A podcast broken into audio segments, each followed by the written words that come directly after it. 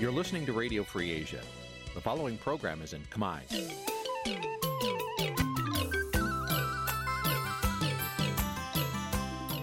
Nǐ ជាកម្មវិធីផ្សាយ Vuthu Azizi Serai នេះជាកម្មវិធីផ្សាយរបស់ Vuthu Azizi Serai ជាភាសាខ្មែរ Vuthu Azizi Serai សូមស្វាគមន៍លោកអ្នកនាងទាំងអស់ពីរដ្ឋធានី Washington នៃសហរដ្ឋអាមេរិក។ ចាប់ផ្សាយផ្ទាល់ពីរដ្ឋធានី Washington នាងខ្ញុំខែសុណងសូមជម្រាបសួរលោកនាងកញ្ញាប្រិយមិត្តអ្នកស្ដាប់វិទ្យុអាស៊ីសេរីទាំងអស់ជាទីមេត្រីយើងខ្ញុំសូមជូនកម្មវិធីផ្សាយសម្រាប់ព្រឹកថ្ងៃពុទ្ធ14កើតខែផលគុណឆ្នាំឆ្លូវត្រីស័កពុទ្ធសករាជ2565ដែលត្រូវនឹងថ្ងៃទី16ខែមិនិនាគ្រិស្តសករាជ2022ចាជាដំបូងនេះសូមអញ្ជើញលោកនាងស្ដាប់ព័ត៌មានប្រចាំថ្ងៃដែលមានមេត្តាដូចតទៅ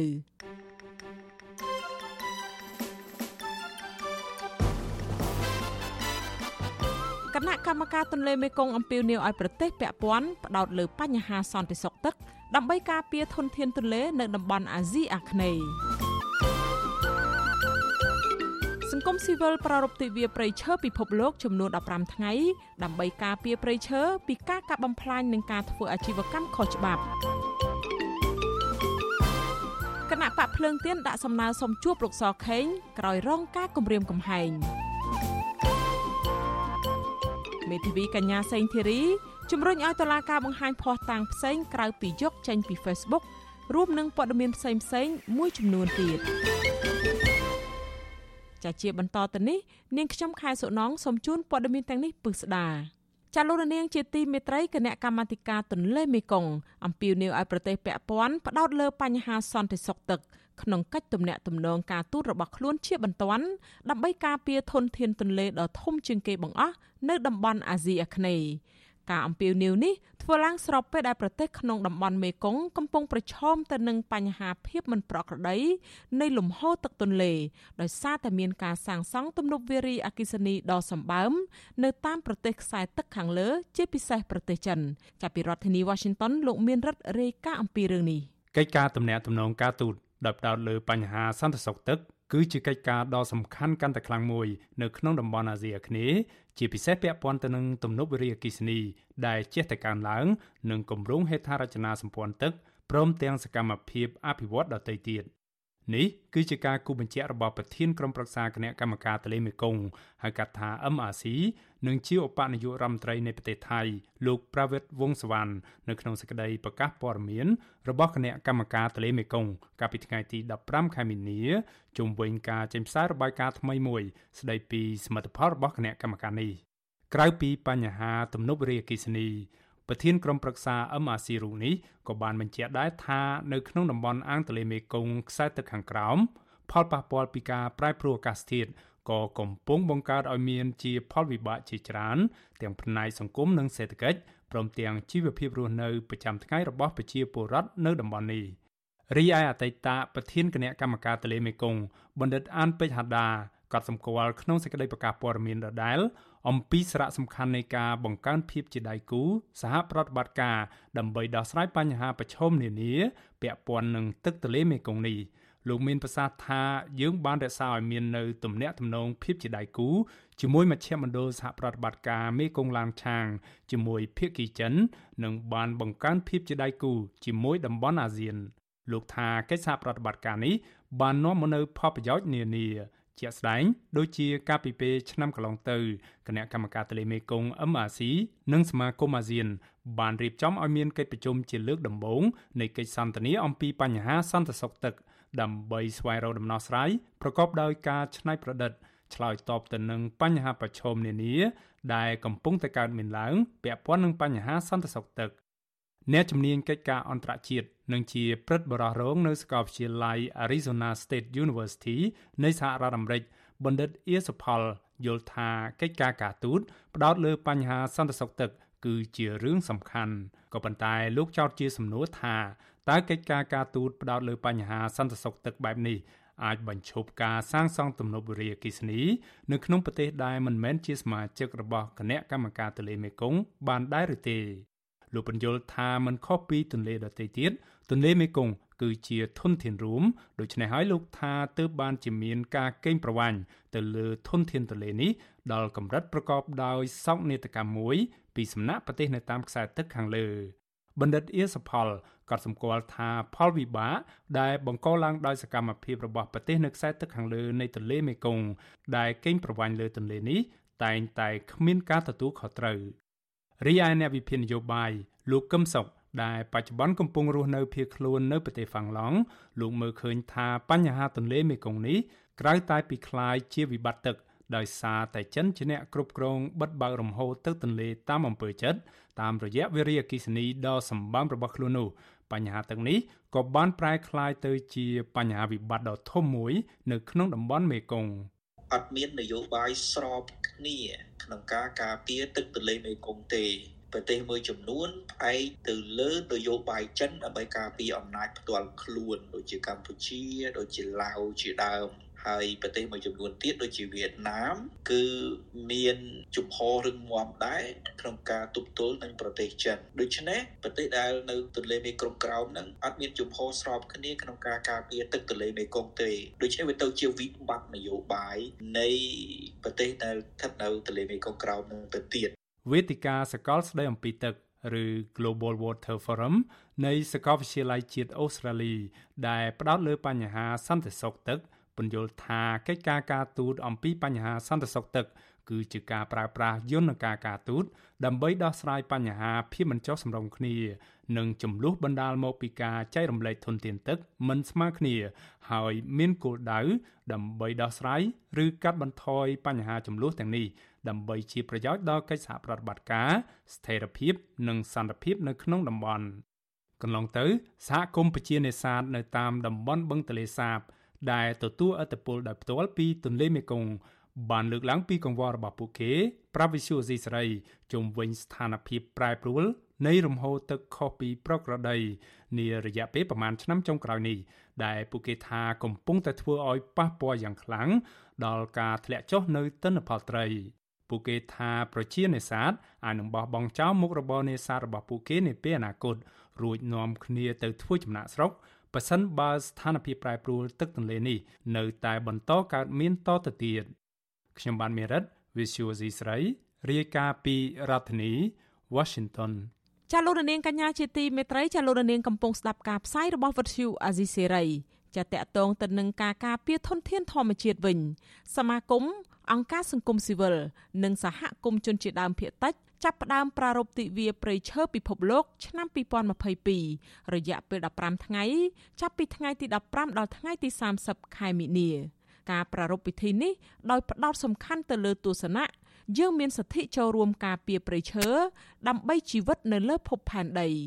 ក្រុមអ្នករៀបចំកម្មវិធីរំពឹងថាពលរដ្ឋនិងអាជ្ញាធរនឹងយល់ដឹងបន្ថែមទៀតអំពីសិទ្ធិពលរដ្ឋនិងករណីកិច្ច ចូលរួមការពារព្រៃឈើព្រមទាំងការទប់ស្កាត់មិនឲ្យមានអាជីវកម្មឈើ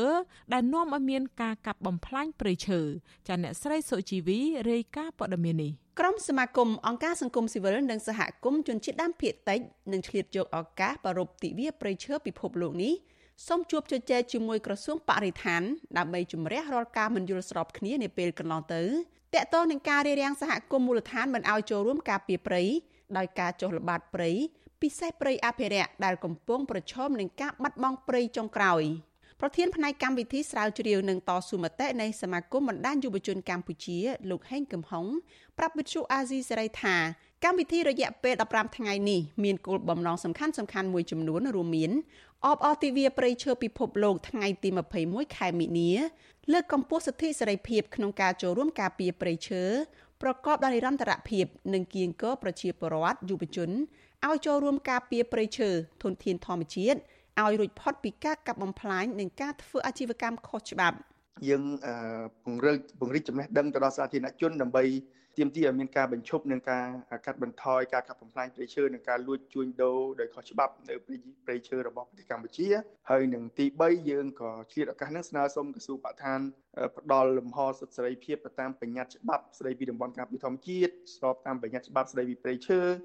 និងមាត្រា35នៃរដ្ឋធម្មនុញ្ញដើម្បីបើកទូលាយពលរដ្ឋបានចូលរួមការពារព្រៃឈើនិងធនធានធម្មជាតិបាទវិទ្យុអាស៊ីសេរីមិនទាន់អាចសុំការឆ្លើយតបរឿងនេះពីអ្នកនាំពាក្យក្រសួងបរិស្ថានលោកនេតភក្ត្រាបានទេ នៅយប់ថ្ងៃទី15ខែមិនិនាទោះជាយ៉ាងណា លោកនេតភក្ត្រាធ្លាប់ប្រាប់វិទ្យុអាស៊ីសេរីថាក្រសួង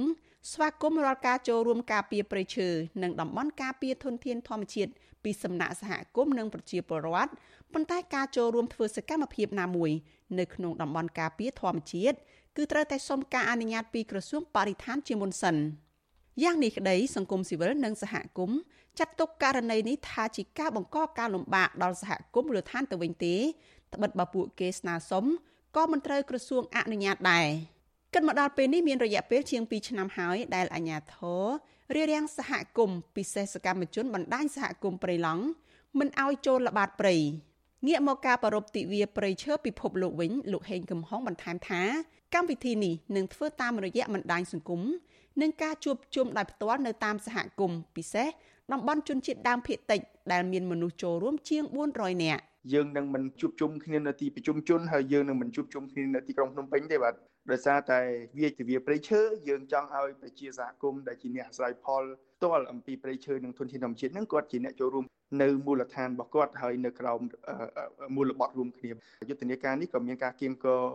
ការចូលរួមនៅលើបណ្ដាញសង្គមផងដែរបាទដែលមកដល់បច្ចុប្បន្ននេះមានមនុស្សប្រមាណ100នាក់បានចូលរួមជាមួយយើងហើយក្នុងថ្ងៃទី1នេះបាទគឺបង្ហាញអំពីសារចំពោះការបដិញ្ញាចិត្តចូលរួមការពារព្រៃឈើនិងសារអំពីការយកចិត្តទុកដាក់នៅក្នុងការការពារព្រៃឈើដោយបូករួមជាមួយនឹងការប្រើប្រាស់ ប្រើ hashtag រួមគ្នា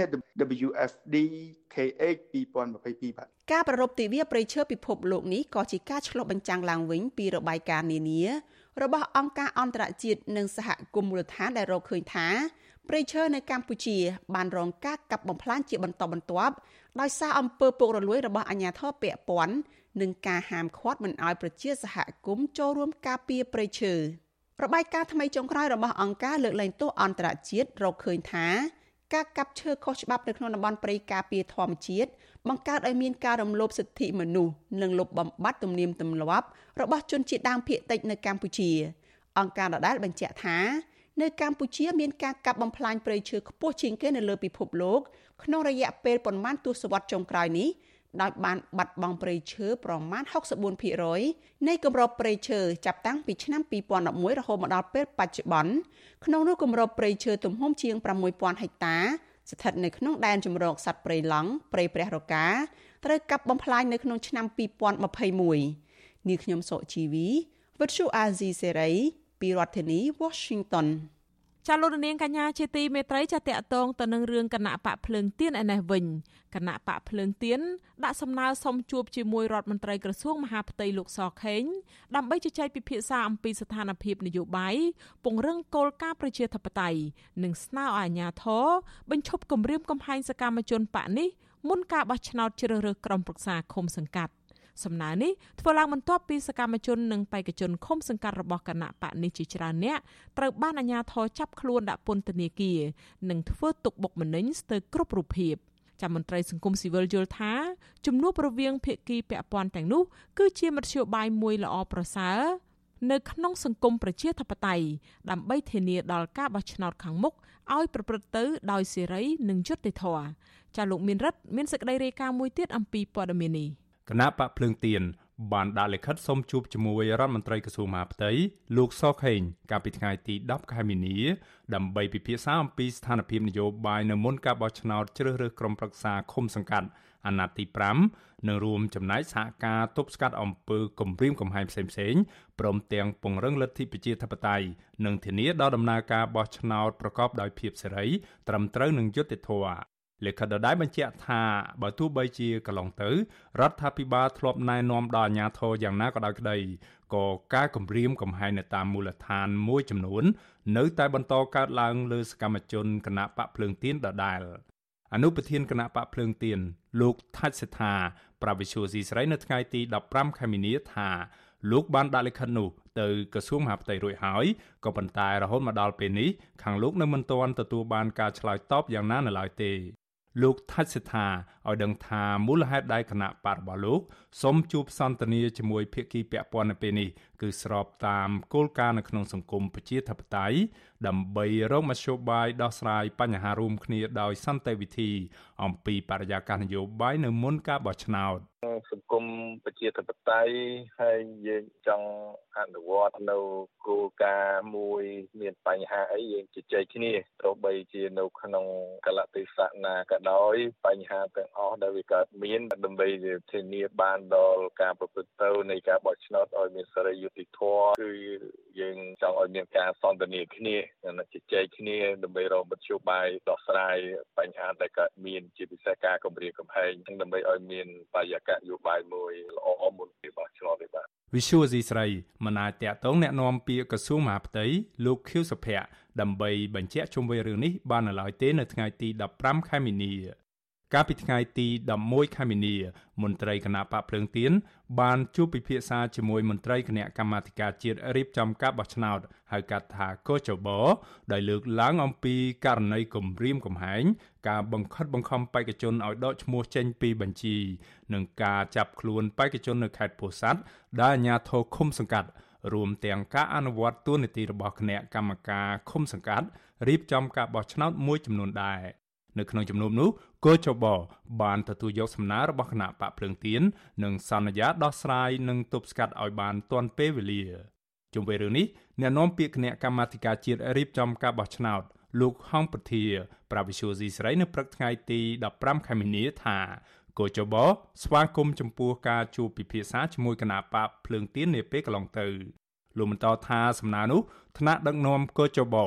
បានយកទៅប្រជុំពិនិត្យដោយយកចិត្តទុកដាក់ទៅតាមនីតិវិធីច្បាប់ ហើយករណីដែលពាក់ព័ន្ធទៅនឹងអាជ្ញាធរមានសមត្ថកិច្ចគោចបក៏បានដាក់ស្នើទៅក្រសួងមហាផ្ទៃដើម្បីជួយសម្របសម្រួលបន្ថែមទៀតផងលោកអំពីវនីវដល់ភាគីពាក់ព័ន្ធទាំងអស់ឲ្យអនុវត្តតាមបទបញ្ជា និងនីតិវិធីជាធរមាន និងយោគយល់គ្នា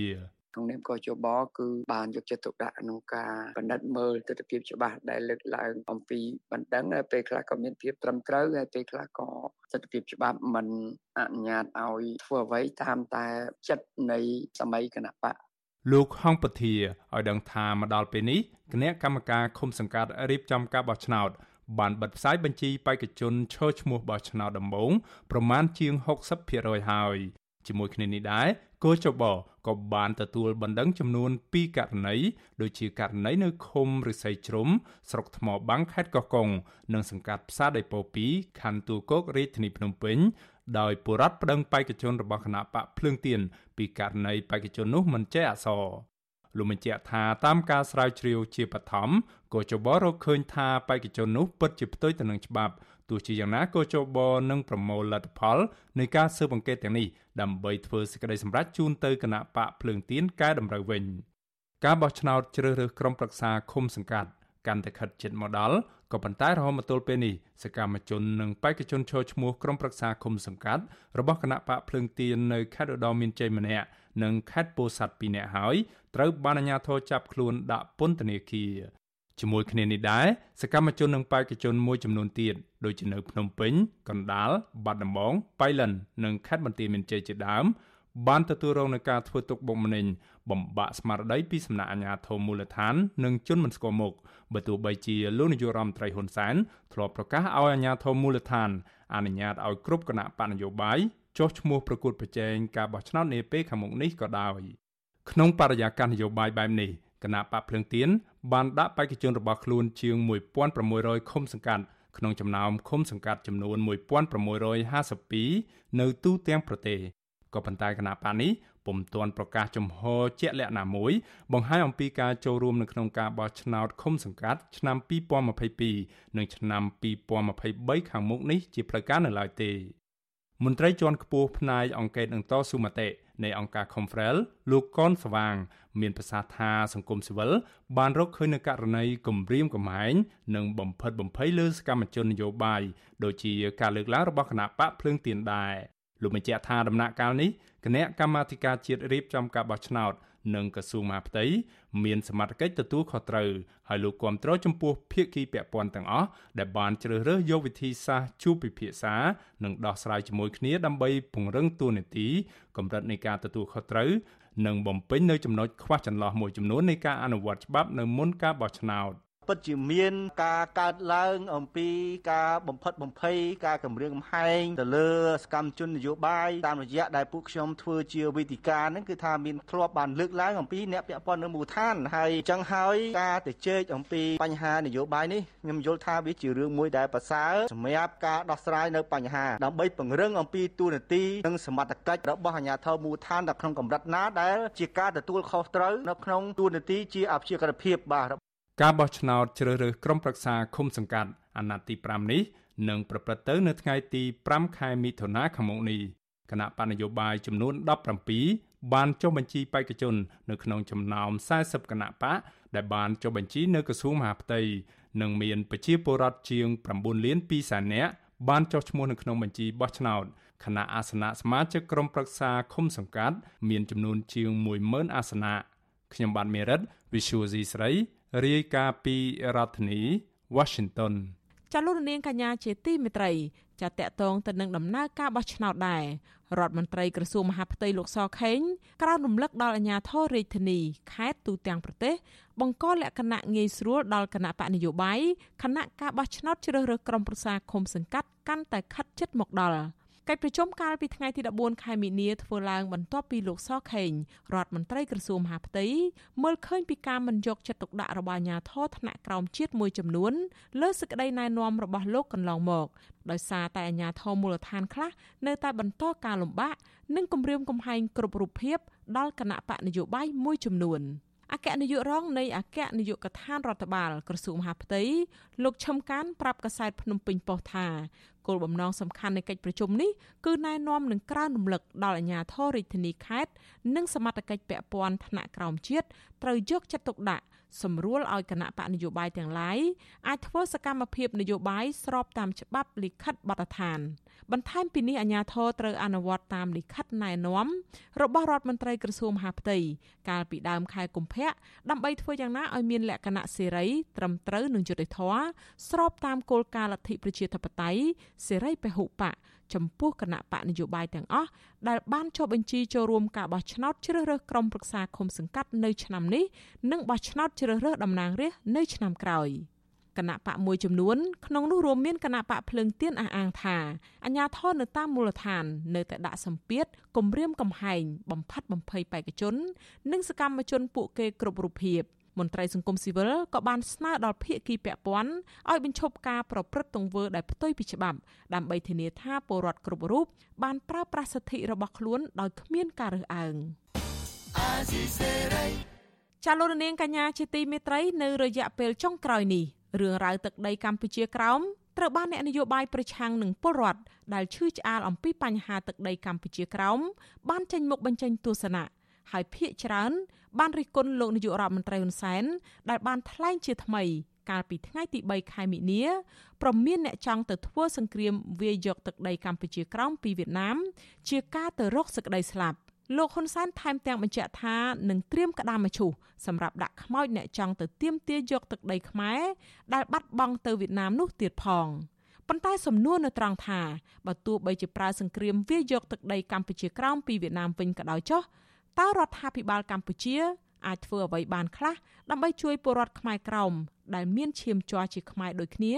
ចាលោកនាងនឹងបានស្ដាប់បទវិភាគពុស្ដាអំពីរឿងនេះនៅពេលបន្តិចទៀតនេះ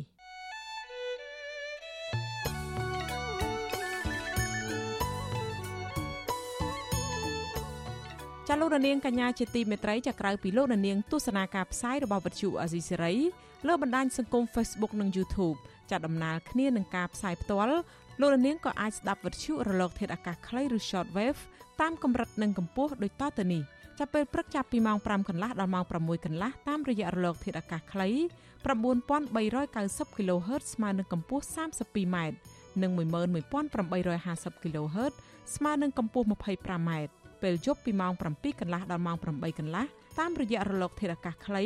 15155 kHz ស្មើនឹងកម្ពស់ 20m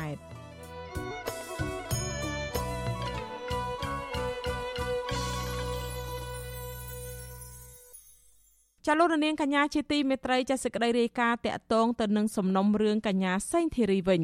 ការចោទប្រកាន់បទល្មើសញុះញង់និងរួមគំនិតក្បត់នៃសំណុំរឿងផែនការវិលជុលស្រុករបស់ប្រធានស្ដីទីគណៈបកសង្គ្រោះជាតិលោកសំរងស៊ីមានការដេញដោលយ៉ាងស្វិតស្វាញដោយនគរបាលយុតិធធនិងតំណាងអាយកាព្យាយាមសួរដាក់បន្ទុកទៅលើជនជាប់ចោទប៉ុន្តែមេធាវីការពារក្តីព្យាយាមដោះបន្ទុក។ ការដេញដោលនេះនៅពេលតុលាការក្រុងភ្នំពេញបន្តសាកសួរសកម្មជនគណៈបកប្រឆាំង3នាក់ដែលកំពុងជាប់ឃុំនិងកញ្ញាសេងធីរីកាលពីព្រឹកថ្ងៃទី15ខែមិនិនាម្សិលមិញចាអ្នកស្រីសុជីវីមានសេចក្តីរាយការណ៍មួយទៀតអំពីព័ត៌មាននេះអ្នកច្បាប់និងជាសកម្មជនតស៊ូមតិកញ្ញាសេងធីរីដែលទៅចូលរួមសវនកម្មដោយស្លៀកពាក់ពណ៌ស្លាទុំស្រដៀងនឹងខោអាវរបស់អ្នកជាប់ឃុំ និងបង់កក្រមាពណ៌សហួសចិត្តដែលតុលាការបន្តចោទប្រកាន់កញ្ញា និងសកម្មជនគណបកប្រឆាំងដទៃទៀតដោយគ្មានមូលដ្ឋានត្រឹមត្រូវនិងបង្ហាញថាតុលាការគឺនៅតែជាឈ្នន់ដែលអ្នកនយោបាយប្រើប្រាស់បានតាមអំពើចិត្តមិនខុសគ្នានេះដែរអ្នកខ្លំមើលសវនកម្មសង្កេតឃើញថាតុលាការគ្មានភ័ស្តុតាងរឹងមាំក្នុងការចោទប្រកាន់លើសកម្មជនគណបកប្រឆាំងនោះទេប៉ុន្តែសកម្មជននយោបាយទាំងនោះបែរជាត្រូវជាប់ឃុំរាប់ខែមកហើយព្រោះតែការចោទប្រកាន់របស់តុលាការ មេធាវីការពារក្តីឲ្យកញ្ញាសេងធីរីលោកជួងជូងីថ្លែងប្រាប់អ្នកសារព័ត៌មានក្រោយចប់សវនកម្មថានគរបាលយុត្តិធម៌បានយកតែភ័ស្តុតាងពី Facebook មកចោទប្រកាន់លើកញ្ញាសេងធីរីប៉ុន្តែលោកស្នើឲ្យមានភ័ស្តុតាងចោទប្រកាន់ផ្សេងក្រៅពីការយកចេញពី Facebook ដូចជាការប្រមូលបានពីកន្លែងកើតហេតុជាដើមលោកមេធាវីឲ្យដឹងទៀតថានៅក្នុងបន្ទប់សវនកម្មមានការខ្វែងគំនិតគ្នា តាក់ទងនឹងឯកសាររបស់កញ្ញាក្នុងនោះកញ្ញាសេងធីរីប្រាប់ថាកញ្ញាមិនបានទទួលឯកសារនោះប៉ុន្តែនគរបាលយុតិធធបែរជាអះអាងថាកញ្ញាសេងធីរីបានទទួលស្គាល់ចំណែកចៅក្រមប្រឹក្សាលើកឡើងថាខ្លួនមានការស្រពេចស្រពិលលើឯកសារទាំងនោះនគរបាលយុតិធធគាត់ផ្ដោតទៅលើឯកសារមួយចំនួនទាំងคลิปវីដេអូវីដេអូคลิปដែរដែលគាត់ស្រាវជ្រាវឃើញពី Facebook ប៉ុន្តែមេធាវីការពារសិទ្ធិជនត្រីចោត ចង់បានផុសតាំងបន្ថែមទៀតដែលក្រៅពី Facebook គឺมันបដោតខ្លាំងពេកឬក៏มันបដោតទាំងស្រុងទៅលើ Facebook ពីព្រោះសមាជិកស្រាវជ្រាវអាចទៅលើ Facebook តែមួយមុខបាទកញ្ញាសេងធីរីចាត់ទុកសវនាការនេះជាការធ្វើបាបពលរដ្ឋស្លូតត្រង់និងបំផ្លាញធនធានរបស់រដ្ឋដោយឥតប្រយោជន៍កញ្ញាបន្តថាតុលាការបានយកភ័ស្តុតាងដែលគ្មានភាពរឹងមាំដែលជាការកាត់តសម្លេងដោយមិនទាន់បញ្ជាក់ថាពិតឬមិនពិតក្នុងការចោទប្រកាន់សកម្មជនគណបកសង្គ្រោះជាតិ កញ្ញាបន្តទៀតថាចំពោះកញ្ញាផ្ទាល់តុលាការបានយកក្រដាស់9សន្លឹកនិងរូបលេខ9ដែលកញ្ញាបានគូសនៅលើដើមដៃមកចោទប្រកាន់កញ្ញាបន្តថានៅពេលសួរដេញដោលពេលខ្លះកញ្ញាអង្គុយធ្វើសមាធិពេលខ្លះក៏អង្គុយសើចនៅពេលជួបសវនកម្មដូចនេះជារឿងនយោបាយការសម្រេចវាពឹងផ្អែកលើនយោបាយ ហើយនយោបាយវាពឹងផ្អែកលើខ្យល់បក់ទៅខាងអញពេលវេលាណាចុះខ្យល់នយោបាយខ្លះបែបពេលវេលាខ្លះបក់ទៅឆ្វេងខ្លះបក់ទៅមុខខ្លះបក់ទៅក្រោយខ្លះបក់ទៅស្ដាំបានចឹងមកពីនេះជារឿងនយោបាយដែលពឹងផ្អែកលើខ្យល់នយោបាយតុលាការបានចោទប្រកាន់កញ្ញាសេងធីរីពាក់ព័ន្ធនឹងបទល្មើសញុះញង់និងរួមគំនិតក្បត់ នៃសំណុំរឿងដែលតាក់ទងនឹងផែនការវិលចូលស្រុករបស់ប្រធានស្ដីទីគណៈបកសង្គ្រោះជាតិគឺលោកសំរងស៊ីកាលពីឆ្នាំ2019ក្រៅពីនេះបានចោទប្រកាន់សកម្មជនគណៈបកប្រឆាំងជិត50នាក់ផ្សេងទៀតក្នុងនោះតុលាការបានបញ្ជូនសកម្មជនគណៈបកប្រឆាំង3នាក់ដែលកំពុងជាប់ឃុំគឺលោកកកកំភាលោកហេងច័ន្ទសុធី និងលោកទុំប៊ុនថនមកសាកសួរផងដែរការដេញដោលនេះក៏មានការចូលមកបំភ្លឺភ័ស្តុតាងរបស់មន្ត្រីនគរបាលផ្នែកប្រឆាំងអំពើភេរវកម្ម នាយិកាមជ្ឈមណ្ឌលសិទ្ធិមនុស្សកម្ពុជាអ្នកស្រីច័កសុភាពដែលបានតាមដានដំណើរការសវនកម្មសង្កេតឃើញថាចៅក្រមបានព្យាយាមពន្យល់អំពីសិទ្ធិហើយពេលខ្លះបានផ្ដល់ជាគន្លឹះនៅក្នុងការឆ្លើយសំណួររបស់មន្ត្រីនគរបាលរូបនោះអ្នកស្រីបន្តទៀតថាកញ្ញាសេងធីរីក៏បានបដិសេធនៅភ័ស្តុតាងដែលកញ្ញាលើកឡើងថា ជាការលួច hack ចូល Facebook របស់កញ្ញាមន្ត្រីសង្គមស៊ីវិលដដែលក៏សង្កេតឃើញដែរថា ភ័ស្តុតាងនៅក្នុងការចោទប្រកាន់លើសកម្មជនគណៈបកសង្គ្រោះជាតិគឺលោកកកគំភាមានភ័ស្តុតាងតែមួយហើយភ័ស្តុតាងនោះយកចេញពី Facebook ដែលមិនមែនជាការបង្ហោះរបស់លោកកកគំភានោះទេអ្នកស្រីចောက်សុភាពយល់ថាសកម្មជនបកប្រឆាំងកំពុងរងភាពអយុត្តិធម៌ដោយសារការចោទប្រកាន់ដែលគ្មានភ័ស្តុតាងរឹងមាំបែបនេះហាក់ដូចជាអយុត្តិធម៌ព្រោះមកដល់ពេលនេះគឺគាត់បានជាប់ឃុំជាច្រើនខែមកហើយ ហើយនៅពេលដែលយើងយើងយល់ហើយពីសិទ្ធិទទួលបានការជំនុំជម្រះដោយយុត្តិធម៌គឺនៅពេលដែលมันមានខុសតាមគ្រប់គ្រាន់ឬក៏មានវិមតិសង្ស័យផលប្រយោជន៍គួរតែបានទៅលើជនជាប់ចោតចា៎ជុំវិញការលើកឡើងរបស់មន្ត្រីសិទ្ធិមនុស្សបែបនេះវិទ្យុអាស៊ីសេរីមិនអាចសុំការអធិប្បាយពីប្រធានតុលាការសាលាដំបងរាជធានីភ្នំពេញលោកតាំងសុនឡាយបានទេ នៅថ្ងៃទី15ខែមិនិនា ចំណែកនៅខាងក្រៅរបងតុលាការក៏មានការឃ្លាំមើលពីសាច់ញាតិនិងមិត្តភ័ក្តិរបស់អ្នកជាប់ឃុំជាង10នាក់រួមទាំងសកម្មជនសង្គមលោករងឈុនផងដែរការជួបប្រជុំរបស់អ្នកទាំងជាង10នាក់នោះក៏ស្ថិតនៅក្នុងការឃ្លាំមើលយ៉ាងតឹងរឹងពីក្រមសម្បត្តិកិច្ចជាង30នាក់ដែលឈរជើងជុំវិញបរិវេណតុលាការតុលាការនឹងបន្តសវនកម្មនេះនៅថ្ងៃទី21ខែមីនាខាងមុខដើម្បីពិនិត្យលើភ័ស្តុតាងផ្សេងផ្សេងទៀតនាងខ្ញុំសុជីវីវិទ្យុអាស៊ីសេរីពីរដ្ឋធានី Washington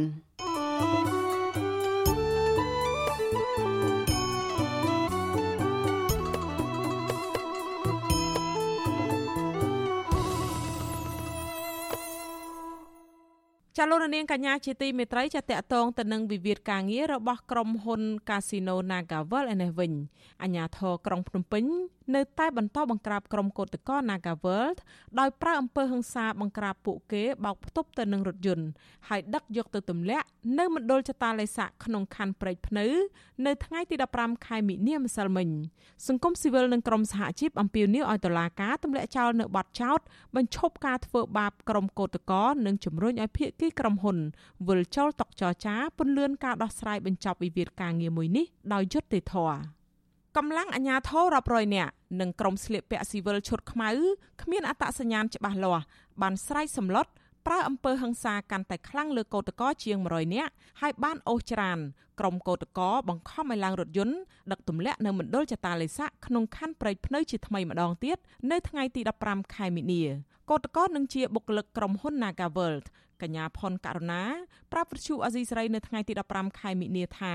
មានកម្លាំងអាជ្ញាធរជាច្រើនអ្នកនិងមានជនស្លៀកពាក់ស៊ីវិលបានសម្រុករុញច្រាន អូសកញ្ញាបោកផ្ទប់នឹងរថយន្តកញ្ញាបន្តថាក្រុមអាជ្ញាធរនិងជនស៊ីវិលទាំងនោះតែងតែមកយាយី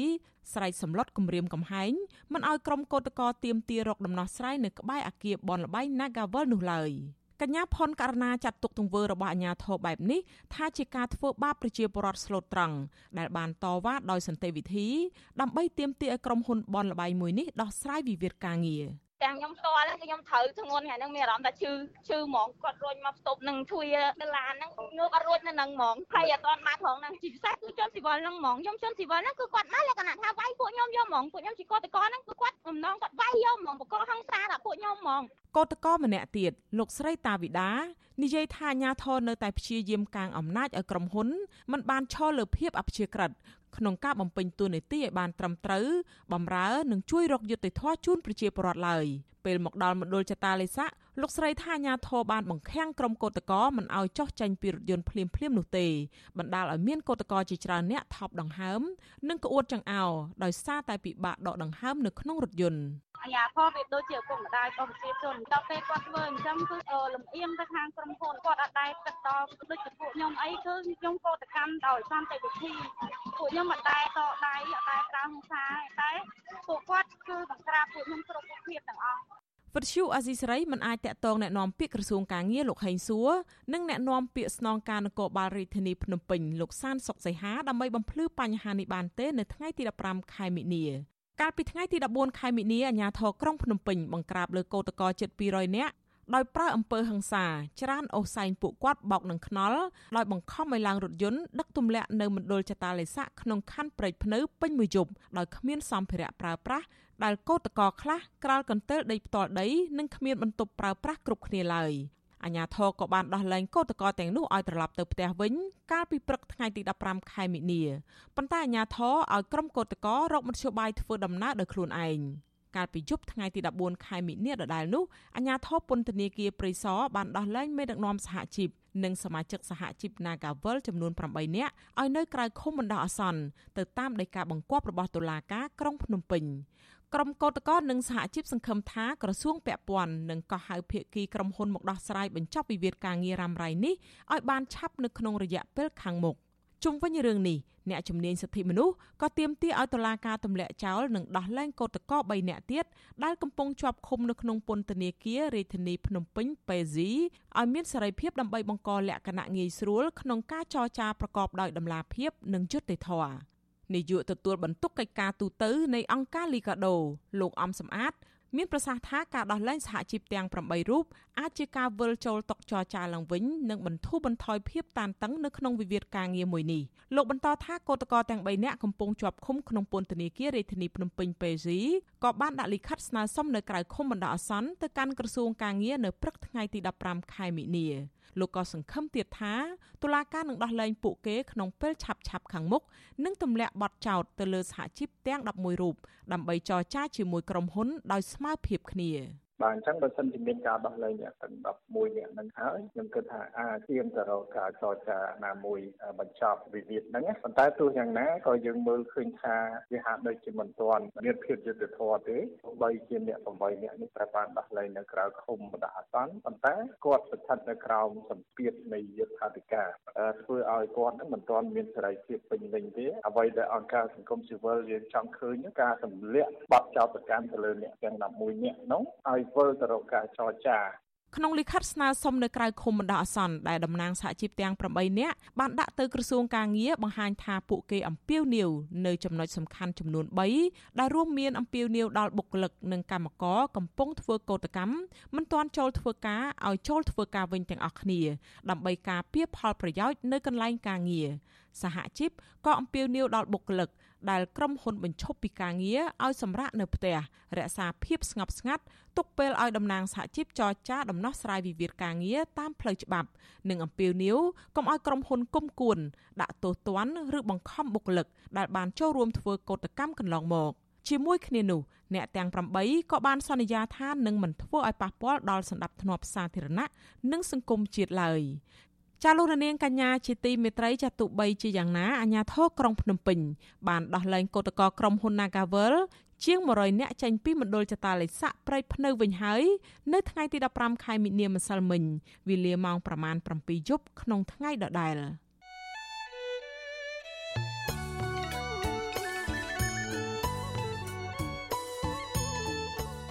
ចាលោករនាងកញ្ញាជាទីមេត្រីចាក្រៅពីលោករនាងទស្សនាការផ្សាយរបស់វិទ្យុអាស៊ីសេរី លើបណ្ដាញសង្គម Facebook និង YouTube ចាត់ដំណើរគ្នានឹងការផ្សាយផ្ទាល់លោករនាងក៏អាចស្ដាប់វិទ្យុរលកធាតុអាកាសខ្លីឬ Shortwave តាមកម្រិតនិងកម្ពស់ដូចតទៅនេះចាប់ពេលព្រឹកចាប់ពីម៉ោង5កន្លះដល់ម៉ោង6កន្លះតាមរយៈរលកធាតុអាកាសខ្លី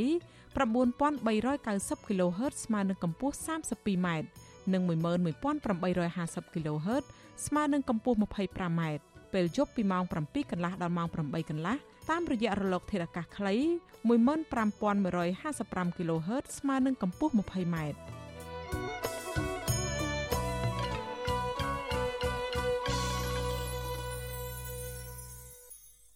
ចាលោករនាងកញ្ញាជាទីមេត្រីចាសក្តីរាយការណ៍ពីខេត្តព្រះវិហារវិញម្ដង ពលរដ្ឋរាប់រយគ្រួសាររស់នៅក្នុងខេត្តព្រះវិហារនៅរសៀលថ្ងៃទី15ខែមីនាម្សិលមិញបានបង្ខំចិត្តវិលត្រឡប់ទៅផ្ទះវិញក្រោយពីអាជ្ញាធរខេត្តនេះបានបង្អាក់ដំណើរមិនឲ្យពួកគាត់យកញត្តិទៅដាក់នៅឯសាលាខេត្តនេះដើម្បីទាមទារដំណោះស្រាយវិវាទដីធ្លីជាមួយក្រុមហ៊ុនចិនហេងហ្វូមន្ត្រីសង្គមស៊ីវិលចាត់ទុកទង្វើរបស់អាជ្ញាធរនេះថាជាការបំបិទសិទ្ធិសេរីភាពពលរដ្ឋស្វែងរកយុត្តិធម៌ចាលោកសុនច័ន្ទរដ្ឋារាយការណ៍ព័ត៌មាននេះ ពលរដ្ឋជាង2រនាក់ភៀសច្រើនជាជនជាដើមភេតិគួយមកពីសហគមន៍ចំនួន7នៅក្នុងស្រុកចំនួន3គឺស្រុកត្បៃមានជ័យស្រុកឆែបនិងស្រុករវៀងនៅតែបន្តស្វែងរកយុត្តិធម៌ពីអាជ្ញាធរខេត្តព្រះវិហារដើម្បីទទួលបានដីត្រឡប់មកវិញក្រមបរដ្ឋនេះមកពីសហគមន៍រិស័យស្រុកសហគមន៍ដីធ្លីអូរំដួលសហគមន៍ជោគជ័យសហគមន៍សម្បូរសហគមន៍កាឡោនសហគមន៍ប្រមេសហគមន៍ភូមិបោះនិងសហគមន៍ការពារដីធ្លីប្រេះក្អក ដំណាងបុរដ្ឋនៅក្នុងភូមិបោះឃុំលូព្រៃលោករួនថងមីបានប្រាប់វិទ្យុអេស៊ីសរ៉ៃថ្ងៃទី15ខែមីនាថាសមាជិកចម្រុះរាប់សិបនាក់បានដាក់ពង្រាយពេញផ្លូវជាលេខ9នៅក្នុងចំណុចវត្តព្រៃកែងដើម្បីរារាំងពួកគាត់មិនឲ្យយកញត្តិដាក់ស្លាកខែនក្រុមហេតុផលថាប៉ះពាល់សណ្ដាប់ធ្នាប់សាធារណៈលោកបន្តថាក្នុងពេលរារាំងសមាជិកបានសួរនាំលោកជាច្រើនក្នុងន័យគម្រាមកំហែងដើម្បីឲ្យពួកគាត់ភ័យខ្លាចមិនហ៊ានងើបតវ៉ាទាមទារដីធ្លីលោកបន្ថែមថាបំណងរួមរបស់លោក គឺស្នើឲ្យអាជ្ញាធរពលឿនកាត់ជ្រឿដីដែលមានចំនួនជាមួយក្រុមហ៊ុនស្ករអំពើចិនហេងហ្វូប្រគល់ជូនអ្នកភូមិវិញហឡូវនេះដីនេះវាលអស់ហើយប៉ុន្តែអស់ខ្ញុំនេះចង់ស្នើសុំឲ្យអាជ្ញាធរខេត្តឲ្យលោកជ្រៀលដីទុកឲ្យសហគមន៍យើងខ្ញុំនេះបានទីទួលសុវត្ថិភាពសម្រាប់ចិញ្ចឹមគោក្របីណាលោកដំណាងបរិរមនេះបន្ថែមថាអាញាធរបានសន្យាចំពោះមុខបរដ្ឋថានឹងទទួលញត្តិពីបរដ្ឋដោយផ្ទាល់នៅមូលដ្ឋាននៅពេលឆាប់ៗនេះលោកប្រមានថាក្រមបរដ្ឋនឹងលើកគ្នាតវ៉ាទ្រង់ទ្រីធំ ប្រសិនបើអាញាធរមិនដោះស្រាយក្តីកង្វល់រួមរបស់អ្នកភូមិនោះទេដំណាងប្រជាសហគមន៍ភូមិប្រមេឃុំប្រមេលោកស្រីទេពទឹមមានប្រសាសន៍ថាសហគមន៍លោកស្រីបានជួបអាញាធរស្រុកច្រានដល់មកហើយដើម្បីពឹងឲ្យអាញាធរពន្លឿនកាត់ជ្រៀតដីជាង8ប៉ហិតាជូនដល់សហគមន៍អាស្រ័យផលបែបប្រពៃណីឡើងវិញបើទោះបីជាព្រៃបានคล้ายជាវាលអស់ហើយក្តីលោកស្រីបន្ថែមថាបរិបភិច្រើនខ្វះដីធ្វើកសិកម្មបាត់បង់កន្លែងអាស្រ័យផលព្រៃឈើនិងវាលស្មៅសម្រាប់ខ្វៀលគោក្របី ហើយនៅលោកស្រីស្នើអាជ្ញាធរខេត្តព្រះវិហារពន្លឿនដោះស្រាយរឿងនេះដើម្បីសម្រាលជីវភាពពលរដ្ឋគឺសូមបកលឲ្យអ្នកភូមិគាត់មានកាយចន្តាអីធ្វើគោធ្វើកំដីព្រៃជំនឿកលែងក្លឹបរករកផលនោះផលព្រៃឈើអីក៏សហគមន៍មិនកំកាប់វិញនៅគ្រូស្នំពោអញ្ចឹងចំហតាំងពីមុនមកថាយើងទៀនទៀនអីតាមប្រពៃណីរបស់ជនជាតិដើមភាគតិចដែលបានកំណត់ដោយចាស់ទុំដែលថាយើងមានព្រមប្រទល់ស្មារណាគឺយើងទៀនទៀនអញ្ចឹង វិទ្យុអស៊ីសេរីមិនតន់សុំការបំភ្លឺរឿងនេះពីអភិបាលស្រុកឆែបលោកសុកសាន់តារានិងអភិបាលខេត្តព្រះវិហារលោកប្រាក់សវណ្ណបាននៅឡើយទេនៅថ្ងៃទី15ខែមីនាដោយទូរស័ព្ទមិនអាចតាក់ទងបានរីឯតំណាងក្រុមហ៊ុនចិនហេងហ្វូក៏មិនទាន់អាចតាក់ទងបាននៅឡើយដែរប៉ុន្តែមន្ត្រីសាលាខេត្តព្រះវិហារម្នាក់ដែលប្រមមិនស្គាល់ឈ្មោះបានថ្លែងប្រាប់ក្រុមបរិវត្តថានឹងជួបបរិវត្តដោយផ្ទាល់នៅមូលដ្ឋាន នៅក្នុងឃុំប្រមេដើម្បីទទួលយកញត្តិរួមទាំងសំណុំពររបស់បរិវត្តមកដោះស្រាយជុំវិញរឿងនេះ មន្ត្រីសម្របសម្រួលសមាគមអាត6ខេត្តព្រះវិហារលោកឡាវច័ន្ទចាត់ទុកទង្វើរបស់អាញាធរនេះថាជាការបំបិទសិទ្ធិសេរីភាពរបស់ប្រជាពលរដ្ឋដែលផ្ទុយពីរដ្ឋធម្មនុញ្ញលោកថាប្រជាពលរដ្ឋហាក់ធុញទ្រាន់នឹងទង្វើរបស់អាញាធរដែលតែងតែមិនអើពើដោះស្រាយបញ្ហាប្រឈមប្រកបជាយូរមកហើយទើបអ្នកភូមិមកខំចិត្តលើគ្នាមកស្លាកខែដូចនេះនៅពេលដែលបើពួកគាត់មិនបានដាក់ញត្តិឬក៏ដាក់ពាក្យម្ដងពេលហ្នឹងគឺអាញាធរប្រកាសថាចុះបានអ្នកឯងមានរឿងហើយហេតុអីអ្នកឯងមិនប្តឹងគេណែ នៅពេលគាត់ប្តឹងមកជាអាញាធរទៅរៀបរៀងអាណាយើងឃើញថាគឺជាការរំលោភទៅនឹងសិទ្ធិសេរីភាពក្នុងការដាក់ពាក្យបណ្ដឹងរបស់ពួកគាត់បាទក្រមប្រតិនេះមានទំនាស់ដីធ្លីជាមួយក្រុមហ៊ុនចិនហេងហ្វូដែលទទួលបានដីសម្បត្តិសេដ្ឋកិច្ចសម្រាប់ដាំអំពៅនៅតំបន់នោះជាង10ឆ្នាំមកហើយអ្នកភូមិបារម្ភថាដីមានចំនួនទៅនោះធ្លាក់ដល់ដៃអ្នកមានអំណាចកាន់កាប់បន្តពីក្រុមហ៊ុនចិនបង្កើតរឿងស្មុគស្មាញពិបាកដោះស្រាយដែលធ្វើប្រកគ្មានដីបង្កមកកាន់ផលដដែល គម្រោងវិនិយោគរបស់ក្រុមហ៊ុនចិនហេងហ្វូចាប់ពីឆ្នាំ2011ដល់ឆ្នាំ2019បានធ្វើប៉ះពាល់ដល់ជនជាតិដើមភាគតិចប្រមាណ2000គ្រួសារដែលមានប្រវត្តិប្រមាណ10000នាក់ស្ថិតនៅក្នុងស្រុកចំនួន3មន្ត្រីអង្គការសង្គមស៊ីវិលរកឃើញថាក្រុមហ៊ុនបានឈូសឆាយប៉ះពាល់ដីស្រែប្រវត្តិឈូសឆាយលើប្រភពទឹកដែលជាផ្លូវទឹកធម្មជាតិសម្បូរដោយមច្ឆជាតិរស់នៅនិងបានឈូសឆាយលើដីទួលប្រាសាទបុរាណ4កន្លែងនិងស្ថានីយ៍បុរាណផ្សេងផ្សេងទៀតរហូតមកទល់ពេលនេះ ក្រុមហ៊ុនបានផ្អាកដំណើរការសង្វាក់ផលិតកម្មប្រមាណ3ឆ្នាំមកហើយខ្ញុំសនចាររថាវិទ្យុអេស៊ីសរ៉ៃរាយការណ៍ពីរដ្ឋធានីវ៉ាស៊ីនតោន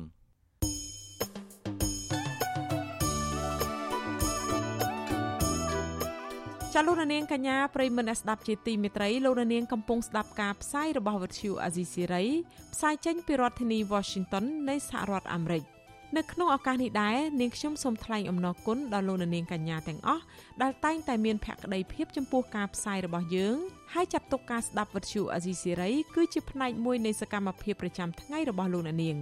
ការគ្រប់គ្រងរបស់លោកនាងនេះហើយដែលធ្វើឲ្យយើងខ្ញុំមានទឹកចិត្តកាន់តែខ្លាំងថែមទៀតក្នុងការស្វែងរកនិងផ្តល់ព័ត៌មានជូនលោកនាង មានអ្នកស្ដាប់អ្នកទស្សនាកាន់តែច្រើន កាន់តែធ្វើឲ្យយើងខ្ញុំមានភាពស្វាហាប់មោះមុតជាបន្តទៀតចា៎យើងខ្ញុំសូមអរគុណទុកជាមុនហើយសូមអញ្ជើញលោកនាងកញ្ញាចូលរួមជំរុញឲ្យសកម្មភាពផ្តល់ព័ត៌មានរបស់យើងកាន់តែជោគជ័យបន្ថែមទៀតចាសសូមលោកនាងជួយយើងខ្ញុំដល់គ្រាន់តែចុចចែករំលែកឬ share ការផ្សាយរបស់យើងនៅលើបណ្ដាញសង្គម Facebook និង YouTube ទៅកាន់មិត្តភ័ក្តិរបស់លោកអ្នកដើម្បីឲ្យការផ្សាយរបស់យើងបានទៅដល់មនុស្សកាន់តែច្រើនចាសសូមអរគុណ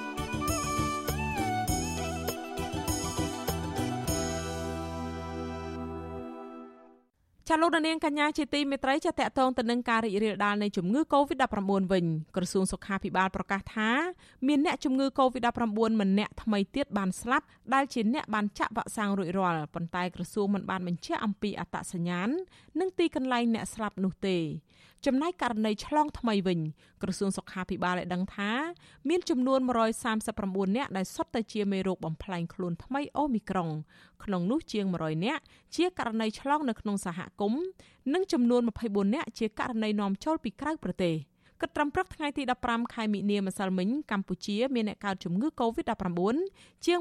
130,000នាក់ក្នុងនោះអ្នកជាសះស្បើយមានជិត130,000នាក់និងអ្នកស្លាប់ មានចំនួន3048នាក់ចំពោះការចាក់វ៉ាក់សាំងបង្ការជំងឺ Covid-19 វិញក្រសួងសុខាភិបាលប្រកាសថាគិតត្រឹមថ្ងៃទី14ខែមិនិនារដ្ឋាភិបាលចាក់ជូនប្រជាពលរដ្ឋមានអាយុចាប់ពី3ឆ្នាំឡើង បានជាង14លាន7សែននាក់សម្រាប់ដូសទី1រីឯដូសទី2ចាក់បានជាង13លាន9សែននាក់ហើយដូសទី3និងដូសទី4ដែលជាដូសជំរុញរដ្ឋាភិបាលចាក់ជូនពលរដ្ឋបានជាង8លាន7សែននាក់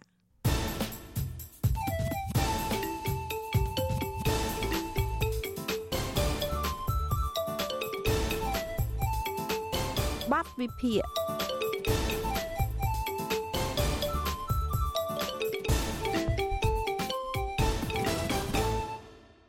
ចាលោកនាងកញ្ញាជាទីមេត្រីនៅរយៈពេលចុងក្រោយនេះរឿងរ៉ាវទឹកដីកម្ពុជាក្រោមត្រូវបានអ្នកនយោបាយប្រឆាំងនឹងពលរដ្ឋដែលឈឺឆ្អាលអំពីបញ្ហាទឹកដីកម្ពុជាក្រោមបានចេញមុខបញ្ចេញទស្សនៈហើយភាកច្រើនបានរិះគន់លោកនាយករដ្ឋមន្ត្រីហ៊ុនសែនដែលបានថ្លែងជាថ្មី កាលពីថ្ងៃទី3ខែមិនិនាប្រមានអ្នកចង់ទៅធ្វើសង្គ្រាមវាយយកទឹកដីកម្ពុជាក្រោមពីវៀតណាម ជាការទៅរកសេចក្តីស្លាប់លោកហ៊ុនសែនថែមទាំងបញ្ជាក់ថានឹងត្រៀមក្តារមឈូសសម្រាប់ដាក់ខ្មោចអ្នកចង់ទៅទាមទារយកទឹកដីខ្មែរដែលបាត់បង់ទៅវៀតណាមនោះទៀតផងប៉ុន្តែសំណួរនៅត្រង់ថាបើទោះបីជាប្រើសង្គ្រាមវាយកទឹកដីកម្ពុជាក្រោមពីវៀតណាមវិញក៏ដោយចុះតើរដ្ឋាភិបាលកម្ពុជា អាចធ្វើអ្វីបានខ្លះដើម្បីជួយពលរដ្ឋខ្មែរក្រោមដែលមានឈាមជ័រជាខ្មែរដូចគ្នាចាជាបន្តទៅនេះសូមអញ្ជើញលោកនាងស្ដាប់បទវិភាគរបស់លោកជុនច័ន្ទបុតអំពីបញ្ហានេះដូចតទៅបើទោះបីជាទឹកដីកម្ពុជាក្រោមត្រូវបានជនជាតិវៀតណាមចូលទន្ទ្រានឈ្លានពានកាន់កាប់ពីប្រទេសកម្ពុជា បន្តិចម្ដងបន្តិចម្ដង ចាប់តាំងពីជាង400ឆ្នាំមុននឹងត្រូវបានអាណានិគមបារាំងផ្ទេរទៅឲ្យវៀតណាមត្រួតត្រាបន្តដោយខុសច្បាប់ នៅឆ្នាំ1949ក្តីបញ្ហាទឹកដីកម្ពុជាក្រោមនៅតែបន្តជាប្រធានបទរសើបនិងចម្រូងចម្រាសបំផុត នៅក្នុងនយោបាយកម្ពុជា និងក្នុងចំណោមពលរដ្ឋខ្មែរដែលយកចិត្តទុកដាក់លើប្រវត្តិសាស្ត្រនៃទឹកដីខ្មែរមួយផ្នែកនេះបញ្ហាទឹកដីកម្ពុជាក្រោមត្រូវបានសាធារណជនលើកនិយាយជាថ្មីទៀតក្រោយពីលោកនាយករដ្ឋមន្ត្រីហ៊ុនសែនបានថ្លែងរំលឹកពីការឆ្លើយតបរបស់លោក ទៅកាន់អ្នកប្រើប្រាស់ Facebook ម្នាក់ដែលបានចូលបញ្ចេញទស្សនៈស្នើឲ្យលោកហ៊ុនសែនលើកទ័ពវាយយកទឹកដីកម្ពុជាក្រោមមកវិញស្របពេលដែលសង្គ្រាមរវាងប្រទេសរុស្ស៊ីនិងប្រទេសអ៊ុយក្រែនកំពុងកើតឡើងជាការឆ្លើយតបលោកហ៊ុនសែនថាមិនទៅវាយយកកម្ពុជាក្រោមនោះទេ ហើយបើនរណាពូកែទៅវាយយកខ្លួនឯងចុះលោកជួយចេញលុយធ្វើបុណ្យសពទៀតផងមានមួយនោះមកឆ្កុយបង សម្ដេចសូមលើកតបទៅវាយនៅយកកម្ពុជាក្រោមឆ្លើយតបទៅវិញទៅវាយយកខ្លួនឯងទៅទៅវាយខ្លួនឯងទៅប៊ីថែមមកបន្តទៀតថាទៅវាយខ្លួនឯងទៅខ្ញុំជួយធ្វើក្តារមឈូសនឹងកប់ខ្មោចហើយណានាបកែសូមអញ្ជើញទៅហើយខ្ញុំជួយក្នុងការធ្វើក្តារមឈូសនិងជួយកប់ខ្មោចហើយហើយរឿងនេះខ្ញុំបាននិយាយតាំងពីឆ្នាំ95 96 នៅពេលនោះមានការជាយាមចង់ធ្វើហើយខ្ញុំប្រកាសត្រង់ត្រង់ភ្លឹកមករឿងអតីតកាលវាបានកន្លងផុតមកនឹកផុតទៅណានោះជាការពិតណាស់នៅក្នុងគោលនយោបាយរបស់គណៈបកប្រជាជនកម្ពុជា ដែលជាគណៈបកត្រូវបានវៀតណាមជួយជ្រោមជ្រែងឲ្យឡើងកាន់អំណាចចាប់តាំងពីថ្ងៃទី7ខែមករាឆ្នាំ1979មិនដែលនិយាយអ្វី ពាក់ព័ន្ធទៅនឹងការសើឬបញ្ហាទឹកដីកម្ពុជាក្រោមឬក៏ជួយយកចិត្តទុកដាក់ចំពោះខ្មែរក្រោមដែលកំពុងរស់នៅក្រោមការគ្រប់គ្រងរបស់រដ្ឋាភិបាលវៀតណាមនោះទេបើទោះបីជាទាំងរដ្ឋធម្មនុញ្ញនិងច្បាប់សញ្ជាតិរបស់ប្រទេសកម្ពុជាសុទ្ធតែធានាអំពីការគាំពៀរបស់រដ្ឋដោយគ្រប់មធ្យោបាយការទូតចំពោះរាល់ពលរដ្ឋខ្មែរដែលកំពុងរស់នៅឯបរទេសក្តីជាការពិតណាស់បើប្រៀបធៀបជាមួយប្រទេសវៀតណាមទាំងទំហំទឹកដីទាំងចំនួនប្រជាជន ទាំងកម្លាំងសេដ្ឋកិច្ចនិងកម្លាំងយោធាវាអាចមិនមែនជារឿងងាយស្រួលសម្រាប់កម្ពុជានោះទេប្រសិនបើប្រើកម្លាំងទ័ពវាយកទឹកដីកម្ពុជាក្រោមមកវិញនេះគឺនៅមិនទាន់និយាយដល់គោលការណ៍អន្តរជាតិដែលមិនសូវជាលើកទឹកចិត្តឲ្យប្រើកម្លាំងយោធាដោះស្រាយបញ្ហានៅក្នុងពេលបច្ចុប្បន្ននេះផងអ្នកប្រើប្រាស់បណ្ដាញសង្គមម្នាក់ដែលបញ្ចេញមតិឲ្យលោកហ៊ុនសែនលើកទ័ពទៅវាយកម្ពុជាក្រោមនោះអាចប្រហែលជាចង់ឌឺដងឲ្យលោកហ៊ុនសែនក៏ថាបានដោយសារតែលោកហ៊ុនសែនតាំងតែពីដើមមក ហាក់មិនសូវបានយកចិត្តទុកដាក់ពីរឿងសុខទុក្ខរបស់ពលរដ្ឋខ្មែរក្រោមដែលកំពុងរស់នៅលើទឹកដីកម្ពុជាក្រោមនោះឡើយចំណែកពីខាងលោកហ៊ុនសែនវិញដែលឆ្លើយតបថាបើខ្លាំងទៅវាយកខ្លួនឯងទៅនោះក៏ហាក់ដូចជាឌឺដងទៅវិញដែរក៏ប៉ុន្តែការឆ្លើយឆ្លងរបស់លោកហ៊ុនសែនបែបនេះក៏ទទួលបាននូវការរិះគន់មិនតិចដែរទេដោយអ្នកខ្លះបាននិយាយចោទលោកហ៊ុនសែនថានៅតែជាអាយ៉ងរបស់វៀតណាម និងជាមេដឹកនាំខ្មែរដែលគ្មានការទទួលខុសត្រូវចំពោះទឹកដីដូនតា ដែលត្រូវបានបរទេសដណ្ដើមឈ្លានពានយកទៅគ្រប់គ្រងបន្ថែមពីលើនេះក៏មានមតិខ្លះលើកឡើងថាក្នុងករណីនេះលោកហ៊ុនសែនគួរជ្រើសរើសយកផ្លូវនៅស្ងៀមមិនឆ្លើយមិនឆ្លងប្រសើរជាងព្រោះថាការឆ្លើយតបបែបនេះ វាមិនបានចំណេញអ្វីដល់ផលប្រយោជន៍ជាតិច្រើននោះឡើយ ផ្ទុយទៅវិញវាហាក់ដូចជាការបន្ទុចបង្អាក់ស្មារតីស្នេហាជាតិរបស់មនុស្សមួយចំនួនជាពិសេសគឺពលរដ្ឋខ្មែរក្រោមដែលកំពុងតស៊ូមតិទាមទារសិទ្ធិសេរីភាពនៅដែនដីកម្ពុជាក្រោមនិងហាក់បង្ហាញនៅភាពចុះចាញ់ឬអស់សង្ឃឹមថាទឹកដីកម្ពុជាក្រោមលែងមានឱកាសคล้ายជារបស់កម្ពុជាវិញដែរលើសពីនេះការឆ្លើយតបរបស់លោកហ៊ុនសែនក៏ហាក់ជាការចេញមុខជួយនិយាយការពារការទន្ទ្រានទឹកដីរបស់ជនជាតិវៀតណាម និងចាត់ទុកថាការលេបយកទឹកដីខ្មែរដោយវៀតណាមជារឿងដែលខ្មែរមិនគួរសើរើឡើងវិញដែរលោកហ៊ុនសែនធ្លាប់បានថ្លែងនៅក្នុងកិច្ចប្រជុំរដ្ឋសភាកាលពីឆ្នាំ2012ដែលនៅពេលនោះលោកបានលើកឡើងនៅចំណុចមួយចំនួនពាក់ព័ន្ធនឹងទឹកដីកម្ពុជាក្រោមរួមទាំងកោះត្រល់ផង ដែលថាកម្ពុជាបានបាត់បង់ហើយមិនអាចទាមទារយកបានមកវិញក្រៅតែពីការការពារទឹកដីដែលមានសេសសល់នៅពេលបច្ចុប្បន្នទោះជាយ៉ាងណាក៏ដោយ ក៏នៅមានមនុស្សមួយចំនួនយល់ឃើញដែរថាកម្ពុជាគួរចងក្រងឯកសារពិនិត្យលទ្ធភាពប្តឹងប្រទេសវៀតណាមទៅកាន់តុលាការយុត្តិធម៌អន្តរជាតិដើម្បីសើរើបញ្ហាទឹកដីកម្ពុជាក្រោមដើម្បីឲ្យខ្មែរគ្រប់ភាគី និងគ្រប់និន្នាការមានការអស់ចិត្តដោយដែលសម្ដេចព្រះនរោត្តមសីហនុធ្លាប់បានធ្វើជាមួយប្រទេសថៃទាមទារយកប្រាសាទព្រះវិហារមកវិញកាលពីឆ្នាំ1962ដូច្នេះប្រហែលជាគេអាចនិយាយបានថា ការជ្រើសរើសផ្លូវប្រើកម្លាំងទ័ពវាយកទឹកដីកម្ពុជាក្រោមប្រហែលមិនមែនជាជំរឿសដ៏ល្អនោះឡើយក៏ប៉ុន្តែការសាកល្បង ប្រើប្រាស់យន្តការប្តឹងផ្ដាល់តាមច្បាប់ទៅកាន់តុលាការអន្តរជាតិសើរើរឿងទឹកដី ប្រហែលអាចជាជំរឿសដ៏ល្អប្រសើរមួយ ដើម្បីតតាំងជាមួយប្រទេសវៀតណាមផង និងដើម្បីឲ្យខ្មែរគ្រប់និន្នាការទទួលយកបានផងប្រសិនបើកម្ពុជាយល់ថាខ្លួនមានឯកសាររឹងមាំ អាចតតាំងឈ្នះក្តីលើប្រទេសវៀតណាមការប្រើប្រាស់យន្តការច្បាប់អន្តរជាតិនេះប្រសិនបើទទួលបានជោគជ័យ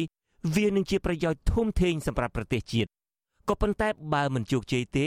វាក៏បានបង្ហាញឲ្យឃើញពីឆន្ទៈទទួលខុសត្រូវរបស់ថ្នាក់ដឹកនាំកម្ពុជា ចំពោះប្រជាជន និងទឹកដីខ្មែរដែលត្រូវបានបរទេសឈ្លានពានគ្រប់គ្រងនិងក៏អាចជាការបំផុសនៅស្មារតីឯកភាពជាតិជាពិសេសរវាងពលរដ្ឋខ្មែរក្រោមនិងមេដឹកនាំកម្ពុជាផងដែរ លោកបណ្ឌិតកែមលីកាលនៅមានជីវិតនៅឡើយធ្លាប់លើកឡើងជាហោហែថាមានកត្តាច្រើនណាស់ដែលកម្ពុជា អាចមានព្រៀបក្នុងការទាមទារយកទឹកដីកម្ពុជាក្រោមនេះពីវៀតណាមមកវិញជាបន្តទៅទៀតនេះគឺជាប្រសាសន៍របស់លោកបណ្ឌិតកែមលីដែលធ្លាប់លើកឡើងក្នុងនីតិវិទ្យាអ្នកស្ដាប់វិទ្យុអាស៊ីសេរីធ្វើយ៉ាងម៉េចដើម្បីបានទឹកដីកម្ពុជាក្រោមមកវិញខ្ញុំថាបានដោយសារអីយើងមានទាំងកត្តានយោបាយ យើងមានទាំងកត្តាច្បាប់យើងមានទាំងកត្តាភូមិសាស្ត្រវិទ្យាសាស្ត្រប្រជាសាស្ត្រហើយកត្តាវប្បធម៌ទៅទៀតវត្តអារាមប្រពៃណីទំនៀមទម្លាប់យើងនៅច្រើនណាកាលណាគេយកទៅប្តឹងផ្ដាល់របៀបរបបហ្នឹងគឺយើងអាចប្តឹងផ្ដាល់បានដូចផ្លូវច្បាប់យើងមានផែនទីតម្កល់នៅអង្គការសហប្រជាជាតិត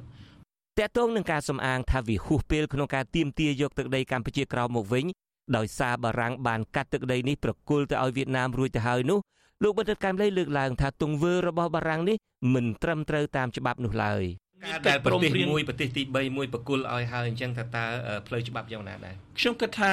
ជំនាន់ហ្នឹងគឺមានន័យថារដ្ឋាភិបាលកម្ពុជាមិនបានបកគលឲ្យទេគឺមានប្រទេសមួយបកគលឲ្យអញ្ចឹងបើសិនជាប្រទេសមួយបកគលឲ្យអញ្ចឹងខ្ញុំអាចបកគលអាមេរិកហ្នឹងទៅឲ្យចិនបានមែនទេហើយចិនអាចទៅគ្រប់គ្រងនឹងបានអត់បានទេតើអាមេរិកហ្នឹងបកគលឲ្យដែរបាទបាទយ៉ាងណាក៏ដោយចុះមកដល់ត្រង់នេះ បើទោះជាថាទឹកដីកម្ពុជាក្រោមនៅបន្តស្ថិតក្រោមការគ្រប់គ្រងរបស់វៀតណាមក្តី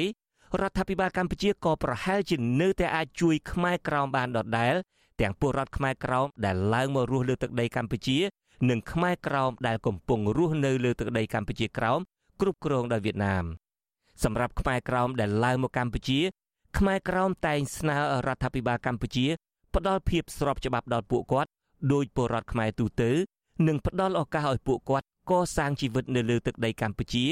ដោយគ្មានការគំរាមកំហែងនិងបំផិតបំភ័យចំពោះពលរដ្ឋខ្មែរក្រោមដែលកំពុងរស់នៅទឹកដីកម្ពុជាក្រោមឯនោះវិញរដ្ឋាភិបាលកម្ពុជាក៏ប្រហែលអាចជួយគាំពៀពួកគាត់តាមរយៈការស្នើទៅកាន់រដ្ឋាភិបាលវៀតណាមឲ្យយកចិត្តទុកដាក់ពលរដ្ឋខ្មែរក្រោមដោយដែលវៀតណាមស្នើកម្ពុជាយកចិត្តទុកដាក់ចំពោះជនជាតិវៀតណាមរស់នៅក្នុងទឹកដីកម្ពុជាដូច្នោះដែរ លើសពីនេះនៅពេលមានការរំលោភបំពានសិទ្ធិខ្មែរក្រោមពីសំណាក់អាជ្ញាធរវៀតណាមរដ្ឋាភិបាលកម្ពុជាក៏អាចប្រើប្រាស់គ្រប់មធ្យោបាយការទូតដើម្បីជួយខ្មែរក្រោមផងដែរលោកបណ្ឌិតកែមលីក៏ធ្លាប់លើកពីចំណុចនេះដែរលោកមានប្រសាសន៍ថាច្បាប់អន្តរជាតិតម្រូវឲ្យប្រទេសនីមួយៗការពារជនជាតិដើមភាគតិចលោកអះអាងទៀតថាបើរដ្ឋាភិបាលមានឆន្ទៈចង់ជួយដល់ខ្មែរក្រោមមែនបើមិនអាចទៀមទាយកទឹកដីមកវិញបានក៏ដោយចុះ ក៏អាចទៀមទាឲ្យទឹកដីកម្ពុជាក្រោមคล้ายជារដ្ឋឯករាជ្យមួយបានដែរលោកថានៅលើពិភពលោកមានគេធ្វើបែបនេះជាច្រើនករណីហើយដែរកន្លែងហ្នឹងខ្ញុំគិតថារដ្ឋាភិបាលអាចធ្វើបានហើយអត់ខុសពីច្បាប់អន្តរជាតិទេឲ្យវៀតណាមហ្នឹងផ្ដល់ព័ត៌មានឲ្យជាប្រវត្តិសាស្ត្រហ្នឹងឲ្យបានត្រឹមត្រូវហើយឲ្យវៀតណាមហ្នឹងគោរពសិទ្ធិជាមូលដ្ឋាន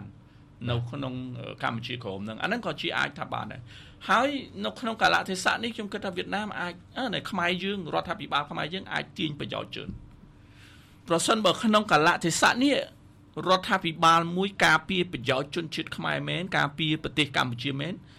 អាចចាត់វិធានការឲ្យវៀតណាមនឹងគោរពសិទ្ធិខ្មែរកម្ពុជាក្រមឬមួយក៏រៀបចំធ្វើម៉េចឲ្យមានកម្ពុជាក្រមដែលជាទឹកដីខ្មែរយើងនឹងប្រជាជនខ្មែរយើងឲ្យទៅជារដ្ឋឯករាជ្យមួយ រដ្ឋាភិបាលកម្ពុជាអាចទៀមទាអានឹងបានបើយើងមិនទៀមទាយកទឹកដីមកវិញក៏អាចទៀមទាឲ្យជារដ្ឋឯករាជ្យពីព្រោះ model នៅលើពិភពលោកច្រើនដែលដែលដែលលេចចេញរូបរាងហ្នឹងពីព្រោះជនជាតិខ្មែរយើងកម្ពុជាក្រមនៅនឹងច្រើនហើយជាប្រកាសនិយាយទៅជាទៅបែបទោះជាយ៉ាងណាមកទល់នឹងពេលនេះរដ្ឋាភិបាលកម្ពុជា ហាក់មិនបានយកចិត្តទុកដាក់ចំពោះទុកលំបាកឬការរំលោភសិទ្ធិមនុស្សខ្មែរក្រោមដោយអាញាធរវៀតណាមនោះឡើយហើយគេក៏មិនដែលឃើញរដ្ឋាភិបាលកម្ពុជានិយាយជាសាធារណៈ ស្នើទៅកាន់រដ្ឋាភិបាលវៀតណាមឲ្យគិតគូរពីខ្មែរក្រោមឬកុំឲ្យមានការរំលោភបំពានសិទ្ធិមនុស្សខ្មែរក្រោមនោះដែរសរុបសេចក្តីមកដរាបណាដែលរដ្ឋាភិបាលលោកហ៊ុនសែននៅតែមិនខ្វល់ខ្វាយឬឈឺឆ្អាលពីទុកលំបាករបស់ខ្មែរក្រោមប្រកាសណាស់លោកហ៊ុនសែននឹងនៅតែបន្តទទួលការរិះគន់ថាហាក់កំពុងបោះបង់ពលរដ្ឋខ្មែរក្រោមដែលជាឈាមជ័រខ្មែរតែមួយចោល និងជារដ្ឋាភិបាលដែលមិនមានការទទួលខុសត្រូវចំពោះជនជាតិខ្លួនរស់នៅឯបរទេសដែលការពារដោយរដ្ឋធម្មនុញ្ញកម្ពុជា ជាងនេះទៅទៀតលោកហ៊ុនសែនក៏ប្រហែលជាត្រូវតែនៅគេចោទប្រកាន់ថាជាអាយ៉ងរបស់វៀតណាមប្រសិនបើលោកនៅតែមិនហ៊ានលេងស្មើមុខស្មើមាត់ជាមួយរដ្ឋាភិបាលវៀតណាមតាក់ទងនឹងបញ្ហាទឹកដីកម្ពុជាក្រោមនិងជាពិសេសការរំលោភបំពានសិទ្ធិខ្មែរក្រោមពីសំណាក់អាជ្ញាធរវៀតណាម ខ្ញុំជុនច័ន្ទបុតអាស៊ីសេរី Washington ។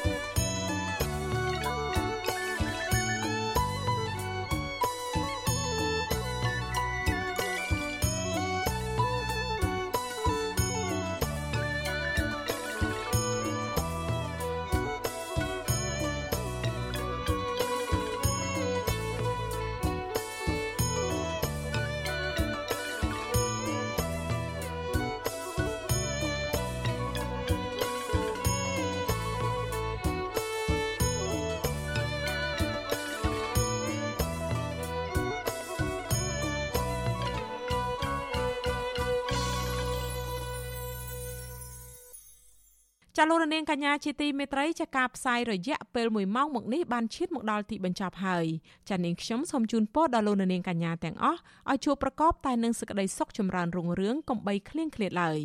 ចាសម្រាប់ពេលនេះនាងខ្ញុំខែសុណងព្រមទាំងក្រុមការងារទាំងអស់នៃវិទ្យុអាស៊ីសេរីសូមអរគុណនិងសូមជម្រាបលា